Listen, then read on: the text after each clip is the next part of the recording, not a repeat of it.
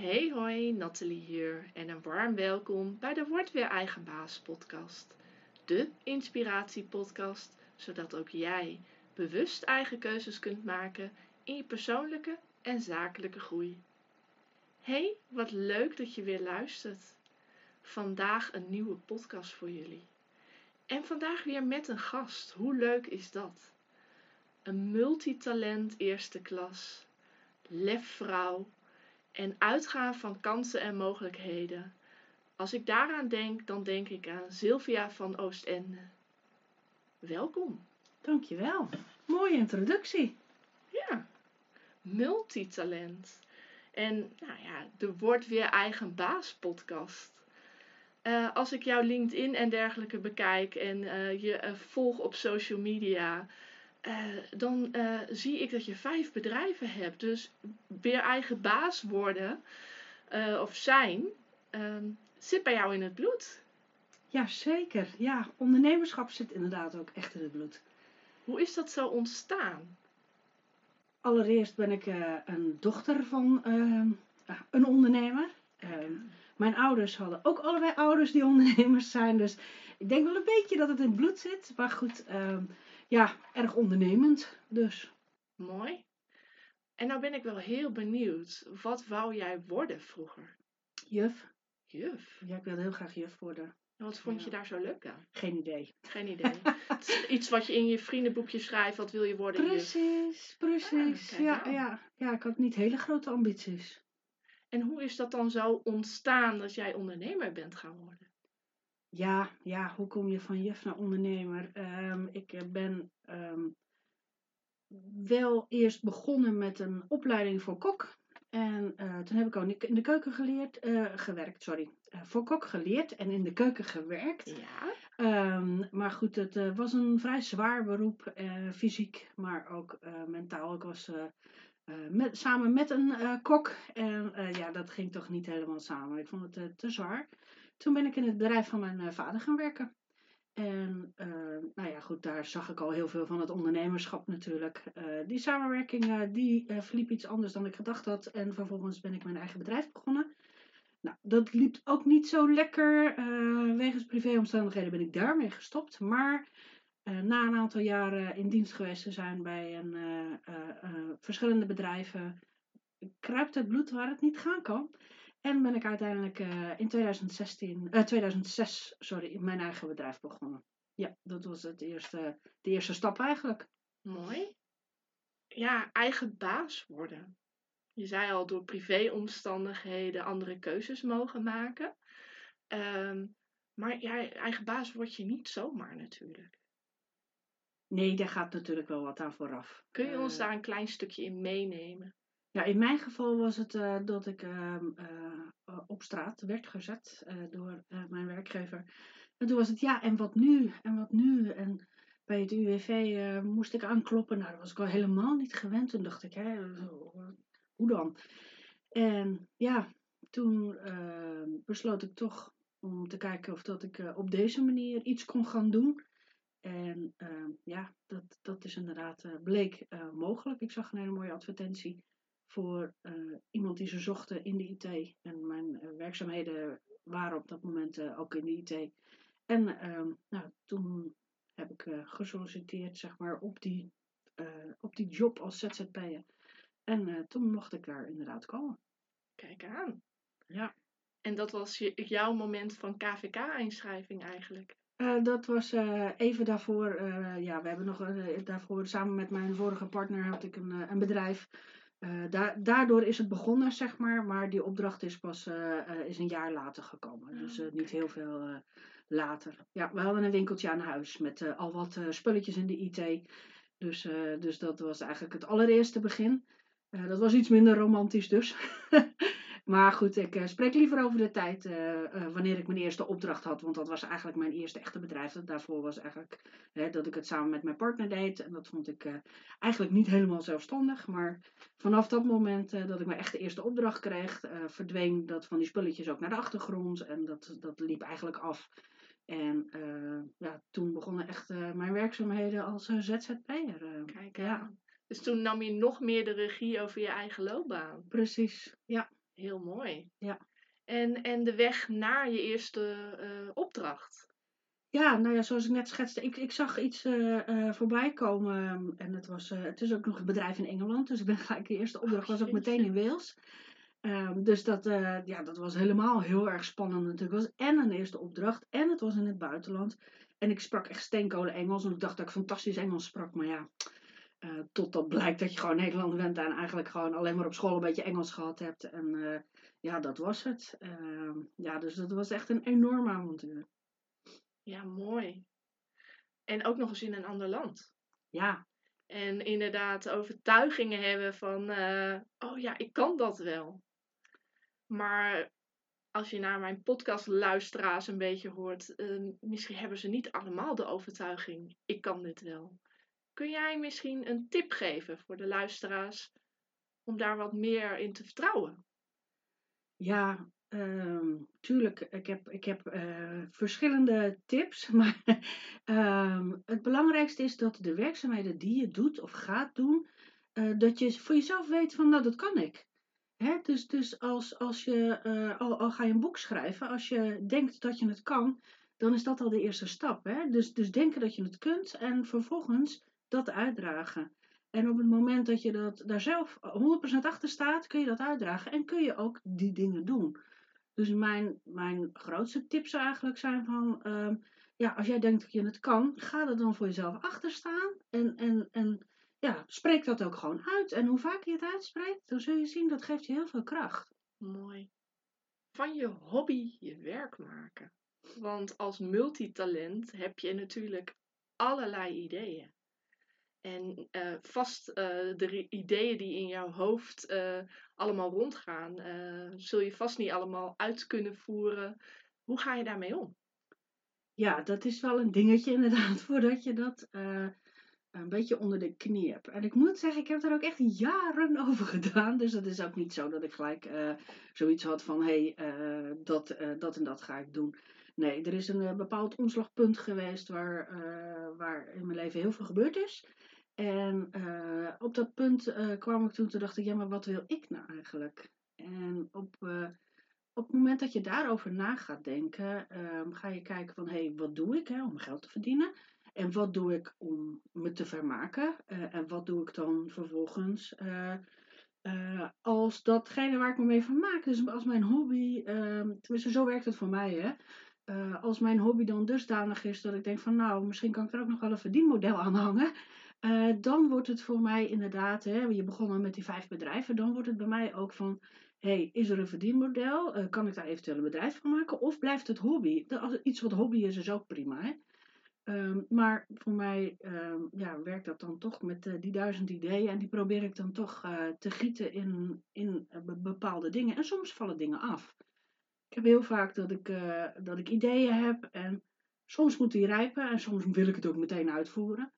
Ehm, en dan even pas op de plaats maken kan geen kwaad. En dat is wat ik tegenwoordig doe. Even pas op de plaats maken. Even overleggen. Ik overleg heel veel met mijn partner. En dan zeg ik, wat vind jij er nou van? En als hij het een goed idee vindt, dan, eh, nou, dan ga ik er vaak wel mee door. Maar als hij meteen al roept van, eh, dat weet ik niet zo goed. Nou, dan kan ik er net zo goed mee stoppen. Want ik vind het wel fijn om dingen en samen te doen. En eh, ja, toch een sparringspartner, te- sparringpartner, wat hij ook echt wel is, te hebben om te zeggen van, nou, misschien kan je maar beter niet doen. Ja. Of je hebt al zoveel. Of ehm, ja, Dus ik hoor je eigenlijk zeggen, je ideeën uitspreken en, en bespreekbaar maken met anderen. Helpt het jou om dan ook eh, die helderheid in je gedachten te krijgen? Eh, ja, zeker. Zeker om, om keuzes te maken. Ja. Terwijl ik eh, heel vaak wel het idee heb dat ik een briljant, dat ik een briljant idee heb. Dat ik denk van, nou, dit is gewoon geweldig.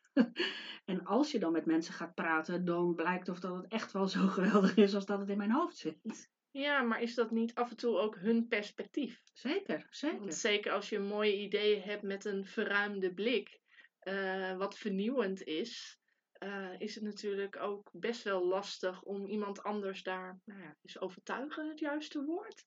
Ehm, ja, dat is het zeker. Ehm, wat ik wel doe, is bij verschillende mensen toetsen. Eh, kijk, uiteindelijk eh, is mijn partner degene die, die, waar, waarmee ik dan beslis van ga ik het ook echt daadwerkelijk uitvoeren of niet als het groter is. Hè? Als het echt in de vorm van een bedrijf is of zo. ja, dan, dan eh, moet ik het echt wel. maar kleine ideeën, nee, natuurlijk niet. Ik, ik, ik probeer dat echt met verschillende mensen te bespreken. En als.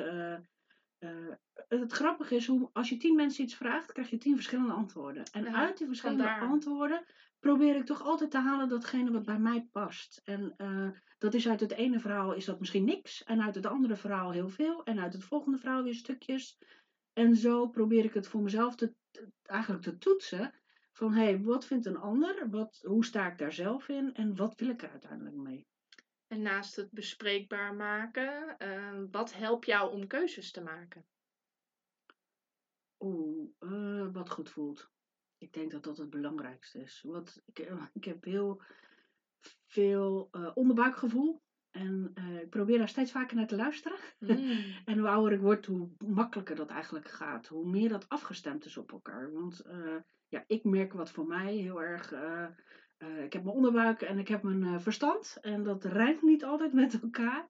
En ja, in, in, vooral in keuzes is dat lastig. Want ik, ik, voor mijn werk analyseer ik heel veel. Dus dat doe ik ook in mijn keuzes. Dus ik eh, zet alles op een rijtje en eh, vervolgens eh, ga ik afstrepen. Maar ja, als dan mijn onderbuikgevoel zegt, misschien is het toch niet zo'n goed idee, dan ehm, ja, word je toch geremd door je onderbuikgevoel op een of andere manier. En dat is, dat is fijn om te merken dat, dat dat bij mij in ieder geval steeds meer in lijn komt. Ja, dus het, het ook fysiek opschrijven en wegstrepen, hoor ik je zeggen. Ja, ja zeker. zeker. En als je zo heel veel dingen leuk vindt, hoe maak je dan een schifting? Ja, dat is ook heel moeilijk. Ehm, ja, doordat ik inderdaad eh, altijd het gevoel heb van, oh ja, dat vind ik leuk. Ik ben overal enthousiast over.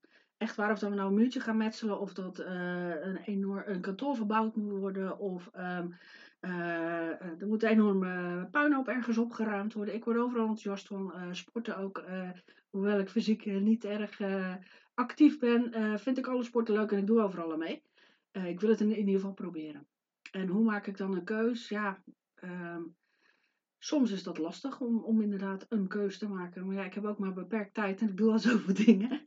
Dus dan eh, is het ook vaak van ja, hoeveel tijd kost het? Is toch weer ana- analytische. eh, komt dan toch weer naar boven van hoeveel tijd kost het en hoeveel inspanning kost het en wat gaat het me opleveren? Want uiteindelijk moet het je energie, plezier, eh, ja, of uiteindelijk misschien ook geld opleveren. Maar dat is niet altijd het belangrijkste natuurlijk, vooral plezier.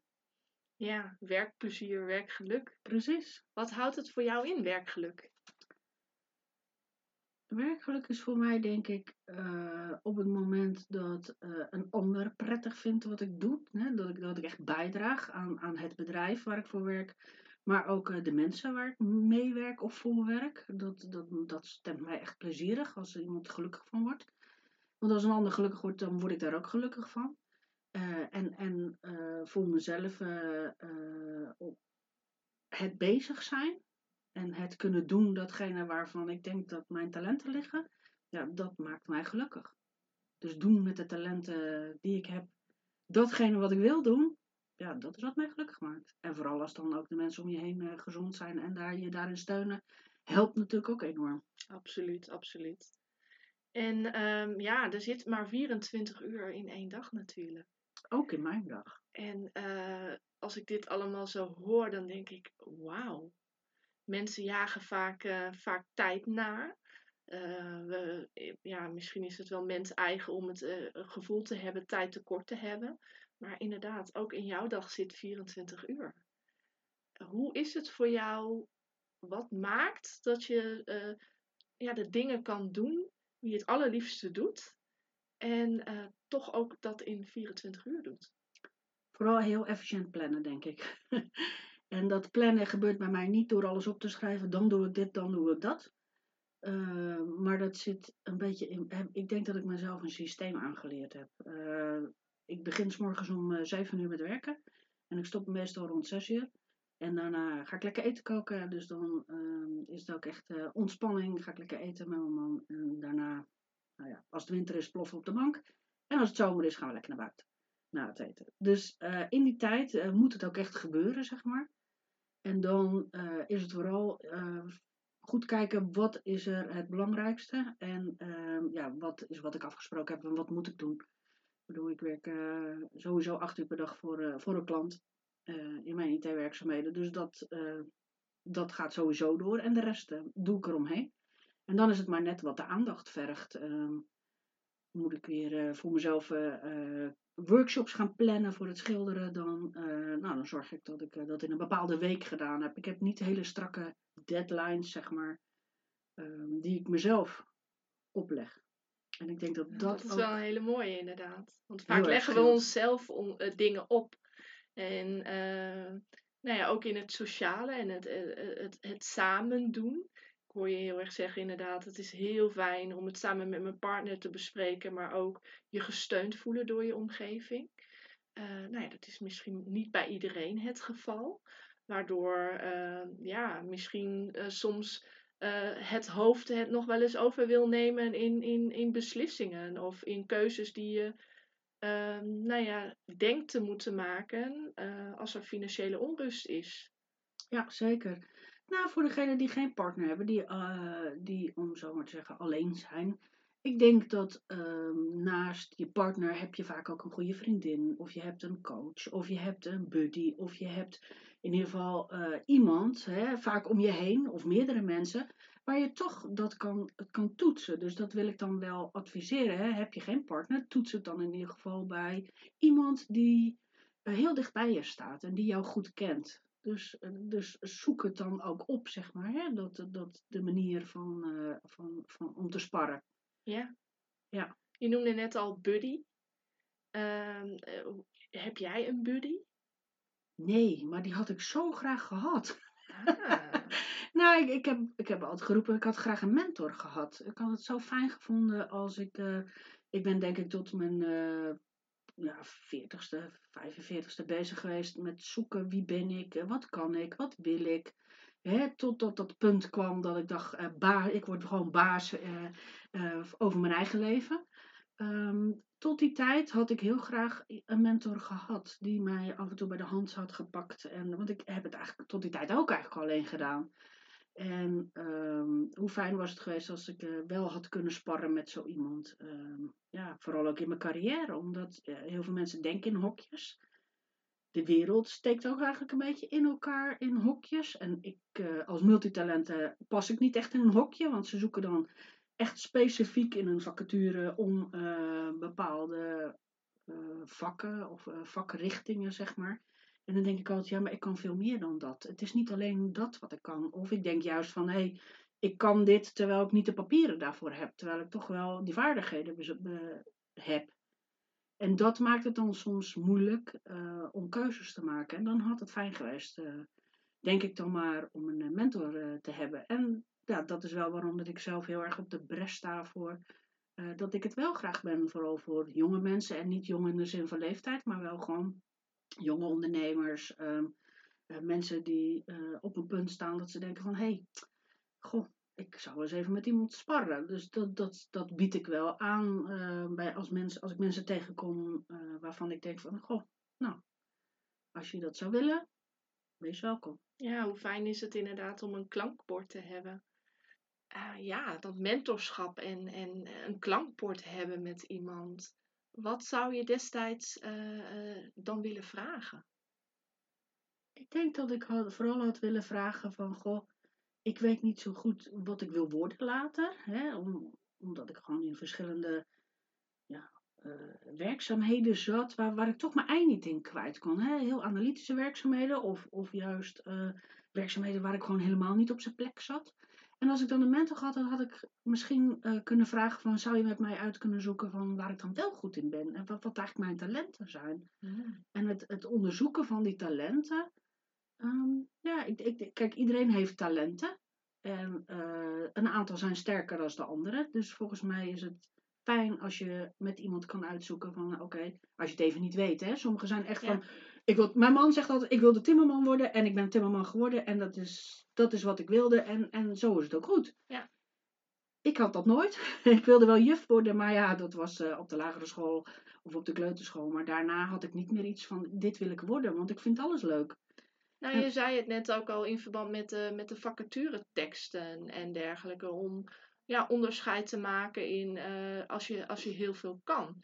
waar, waar solliciteer je dan op? Ja, dat is het eh, grote moeilijke. dat, dat was ook echt uh, mijn struggle altijd. En dan ging ik op gesprek en dan, uh, hè, dan had ik voor iets gesolliciteerd dat ik dacht van, nou ja, dit kan ik gewoon prima. En het niveau beheers ik, dus wat is dan het probleem? En dan zei dan, ja, maar je hebt dit papiertje niet, je hebt dat niet, je hebt zus niet, en je hebt zo niet. Dan zei ik, ja, maar ik heb wel dit, en ik heb dat, en ik kan dit, en ik kan dat. En ja, dan nog, vaak werd ik afgewezen. Weer, weerhield het jou ook om te solliciteren als je dacht van uh, ik heb dat papiertje niet? Nee, dat heeft me nooit weerhouden. Nee, nee ik ben wel op een gegeven moment uh, uh, dat ik dacht, want ik wilde graag consultant worden. En ik solliciteerde dus bij verschillende consultancybedrijven en daar kreeg ik inderdaad van, ah, je hebt geen HBO-niveau. En toen dacht ik, oké, maar dat niveau beheers ik wel, alleen ik heb het papiertje niet. Want ik ben niet zo goed in studeren, niet zo goed in naar school gaan en dan examens doen, laat ik het dan zo zeggen. En ja, dat, uh, daar heb ik echt wel uh, nou, tientallen sollicitaties gedaan. En dat heeft me niet weerhouden. Ik ben wel na gaan denken van, hé, hey, hoe kan ik het dan oplossen? Want als men dan zegt dat ik dat niet beheers, dan moet ik dat kennelijk bewijzen. Ja. Toen ben ik uh, avondstudie HBO bedrijfskunde gaan doen. Ik dacht, nou ja, dan, dan kan ik in ieder geval aantonen dat ik, dat, ik dat HBO-papiertje heb. Tot mijn propedeuse ben ik gekomen. en toen dacht ik, uh, ja, volgens mij uh, is dit echt niet mijn ding. Ik kan aantonen nu dat ik uh, mijn propedeuse heb, dat ik HBO-niveau beheers. En volgens mij is het handiger als ik me ga specificeren in die software waar ik dan mee werk als dat ik echt die diploma ga halen. Dus het prijkte op mijn cv wel HBO, weliswaar alleen propedeuse, maar goed, ik vond daarmee dat ik dat voldoende aangetoond had. En toen ik samen met die certificering en die propedeuse, toen ging er wel een wereld voor me open. En ik verbaas me daar vaak over. En dan denk ik, hoe kan het dat als het op het papiertje staat dat je wel geloofd wordt, Terwijl als ik het vertel en, en ook vertel eh, wat ik gedaan heb, hoe ik het gedaan heb, bij welk bedrijf ik het heb bewezen en dergelijke, dat dat niet voldoende is. Nou, als oplossing daarvoor ben ik op een gegeven moment gaan vragen naar aanbevelingen. En bij iedere opdracht waar ik was, vroeg ik, zou u mij een aanbeveling willen schrijven? En kunt u daar dan inschrijven wat ik goed kan? En dat heeft me erg geholpen. Dus ja, tezamen met die propedeuse en die certificering uh, daar komt dan bij die aanbevelingen. En dat maakte dat, uh, dat ik toen ja, kennelijk geloofwaardig overkwam. Ja, mooi. En we hadden het er net al even over, ook uh, zelf geloven dat je het kan. Ja, ja. En, en inderdaad uitgaan van je, van je talenten. Nog even een stukje terug. Hè? We hebben nu een paar keer het woord multitalent genoemd. Kun je onze luisteraars uitleggen wat dat inhoudt? Ja, het is een woord dat ik eigenlijk uh, zelf ja, samengesteld heb. Het, het, het, is niet echt een woord. Als je googelt, dan is het niks. Uh, het wordt hier en daar wel eens gebruikt. Ik zag een um, TED-talk van um, mevrouw Wapnik, een uh, Amerikaanse dame volgens mij. En die had het over multipotentialites. En toen ik dat stukje dacht, toen ging er een wereld voor me open. Toen dacht ik, hé, wacht even, er is een benaming voor wat ik ben. uh, dus het, was niet meer helemaal vreemd, zeg maar. Want ik, ik, ik, hoorde ineens in een hokje, dacht ik. Ik denk, ja, wil ik eigenlijk in een hokje horen? En toch is het al fijn om in een hokje te horen. Ik denk, ja, eigenlijk is dit ook wel een beetje gek. Maar goed, um, ik zag haar TED-talk en toen dacht ik, goh... Um, er zijn dus meerdere mensen die dat hebben. En dat was, ik, ik ik vind Engelse woorden, ja, vind ik aan zich wel leuk. Maar ik, ik wilde echt een Nederlands woord voor datgene wat ik doe. En, en om uh, ervoor uit te komen wat je doet, hè, uh, want daar hadden we het net ook al over. Ik schreef altijd in de titel van uh, LinkedIn bijvoorbeeld dat ik um, en IT-consultant was, en schrijfster, en kunstenares. En alle dingen die ik deed. En toen dacht ik, ja, volgens mij is dit heel verwarrend. Want iemand die zoekt naar iemand voor in IT, die zal mij misschien wel vinden, die, die schrikt het misschien af. En dan denk ik van nou. En op een gegeven moment dacht ik bij mezelf, waarom zet ik daar niet gewoon multitalent? Het was ook bij netwerkdiners, waar ik dan, of andere netwerken, als je dan je pitch moet doen, dan is het, wat doe jij? En dan begon ik ook van, ja, maar ik ben dit en ik ben dit en ik ben dat. En dan zag ik mensen gewoon afhaken. Die dachten van, ja hoor, hm, heb je er weer eentje. Die doet van alles en nog wat. Maar op het moment dat ik zeg, ik ben een multitalent, hè, je gaat daarachter staan, want dit is wat ik ben.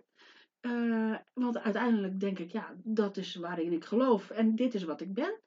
Uh, toen ik het erop had geschreven, gaf dat een hele rust eigenlijk voor me. Omdat ik dacht, ja, weet je, dit is wat ik ben. Ik ga hierachter staan en als men iets meer wil weten, dan gaat men verder lezen en gaat kijken wat dat dan is. En ik, ik merkte dat als ik mij voorstelde in de pitch, dat ik zei, ik ben multitalent. Even rust. Dat mensen denken, hé, hey, wat zou ze dan doen? En als je dan met vier, vijf dingen komt, dan zeggen ze, oh, oké, ja, nee, tuurlijk. Helemaal leuk.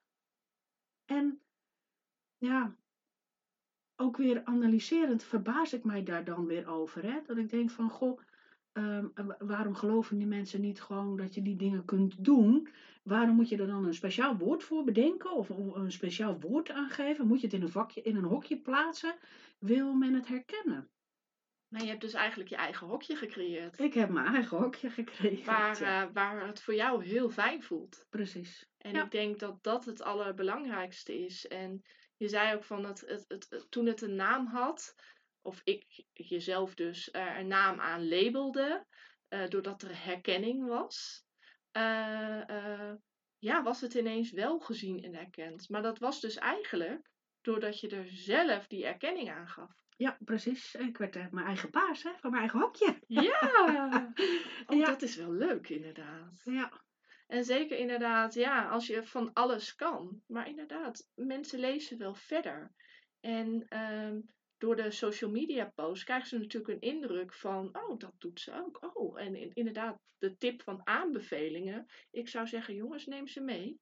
Of je nou uh, werkzoekend bent of zelfstandige ja, wat, wat onderscheidt je inderdaad? En dat je heel veel kan, wil nog niet altijd zeggen dat je alles hoeft te benoemen. Want vaak is het in een gesprek dat alweer iets duidelijk wordt, uh, ook in deze podcast, van je leert elkaar beter kennen. En net als dat je in je relatie iemand leert kennen, uh, ga je ook niet na dag één samenwonen of trouwen. Dus daar neem je ook de tijd voor. Ja, waarom dan in het ondernemerschap en, en in je zoektocht naar antwoorden om het gewoon lekker stap voor stap te doen.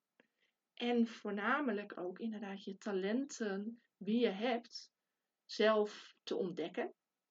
Maar ook, uh, nou ja, daar anderen mee te, mogen helpen. Misschien wel in, in een middel van, van mentorschap. Uh, ik weet dat jij ook een aantal mensen uh, begeleidt, waaronder in de muziekwereld. Um, ja, hoe is dat voor jou? Ben jij nu een mentor voor hun? Uh, ja, in ieder geval vind ik het fijn om mijn kennis te delen. en of dat je er het labeltje mentor op aangeeft, of dat je daar uh, zegt dat je coach bent, of dat je uh, manager bent. Um, ik vind het fijn om mijn kennis te delen. En um, ik denk dan altijd, alles wat ik meegemaakt heb en wat niet leuk was, misschien kan ik daar een ander mee helpen om te voorkomen. Hoewel je natuurlijk altijd uh, uh, leert door dingen te doen. En vooral als je een keer plat op je bek gaat, om zo maar te zeggen. Uh, pas dan leer je, oh wacht even, volgens mij moet ik het anders doen. Dus mijn valkuil is dan ook dat ik anderen wil voorkomen dat ze in dezelfde kuil trappen als waar ik in getrapt ben. Anderzijds um, vind ik het leuk om mijn kennis te delen. Ik vind het leuk om andere mensen iets te leren. Uh, eigenlijk uh, dus ben ik nog steeds een beetje juf. ja, ik geef heel veel trainingen uh, op het gebied van IT. Um, ehm, met schilderen vind ik het leuk om workshops te geven. En het is inderdaad grappig dat je het zegt, maar uiteindelijk denk ik toch een beetje dat ik juf ben geworden. En ja, hoe leuk is dat? Dat je eigenlijk toch de, je wens als kind zijnde uiteindelijk dan toch dat het uit mag komen. Ja, en juf is natuurlijk een, uh, als, je, als je dat zegt, uh, hebben mensen meteen een, een, beeld en een plaatje bij. Uh, wederom inderdaad ook maar gewoon door iemand verzonnen dat dat wat je doet voor de klas of waar dan ook, dat dat juf heet. Um, ja, en, en inderdaad als we het dan over mentorschap hebben, ja, daar heeft iemand ook een eigen beeld bij. En um, ja, ik denk dat het vooral is uh, hè, dat, dat, dat, dat beeld wat je zegt, wat men daarbij heeft. Ik denk dat het ook uh, heel divers kan zijn. Er zijn heel veel coaches, er zijn heel veel mentoren, begeleiders, Ehm, volgens mij, eh, en, en dan wil ik niemand tekort doen, hè? Eh, volgens mij hebben, hebben we allemaal de intentie om anderen eh, te helpen, bij te staan en onze kennis te delen ehm, op dat gebied waar jij ervaringsdeskundige of deskundige door middel van leren geworden bent. Hè? je hebt er een diploma voor. Dus ik denk aan het einde van de rit is dat volgens mij de intentie van een coach, van een trainer, van, van een juf. Hè, dat je anderen verder wilt helpen. En worden wie je bent, dat is een verlangen van jou geweest. Dat is Ja. ook een zoektocht geweest. Ja. Ja, ben je op het punt? ja, ik denk zeer zeker, en ik kan volmondig ja roepen dat, ik dat inderdaad ben. Het is een zoektocht geweest. eh, het is een weg met heel veel hobbels geweest, met heel veel zijpaden geweest. Ehm, maar ik denk dat ik nu echt ben wie ik wil zijn. En het leuke daarvan is, en ik, ik heb er straks al iets over gezegd, eh, dat geeft je zelfvertrouwen. En op het moment dat je zelfvertrouwen hebt, eh, straal je ook uit dat je het fijn vindt, dat je het leuk vindt, dat je happy bent. Ehm, eh, alle andere factoren spelen er ook in mee. Maar vooral eh, als ik eh, als ondernemer kijk, eh, ben ik echt happy met wat ik doe. En dat is wat we anderen eh, gunnen. Absoluut. Heel mooi. Goed, Sylvia, we gaan nu eh, naar een afronding toe. Ik kan nog een uur met je kletsen en eh, allerlei mogelijkheden en kansen eh, benutten. Eh, is er nog iets wat je mee wil geven aan onze luisteraars? Ja, ik denk dat ik eh, vooral mee wil geven dat eh, je zelf kunt bepalen wat je doet met je talenten. En vooral, ehm, ja, ontdek het. Ga de reis aan om je talenten te ontdekken. Doe ermee wat jij wil dat je moet doen, wat goed voelt. En lukt het je niet alleen, geen probleem.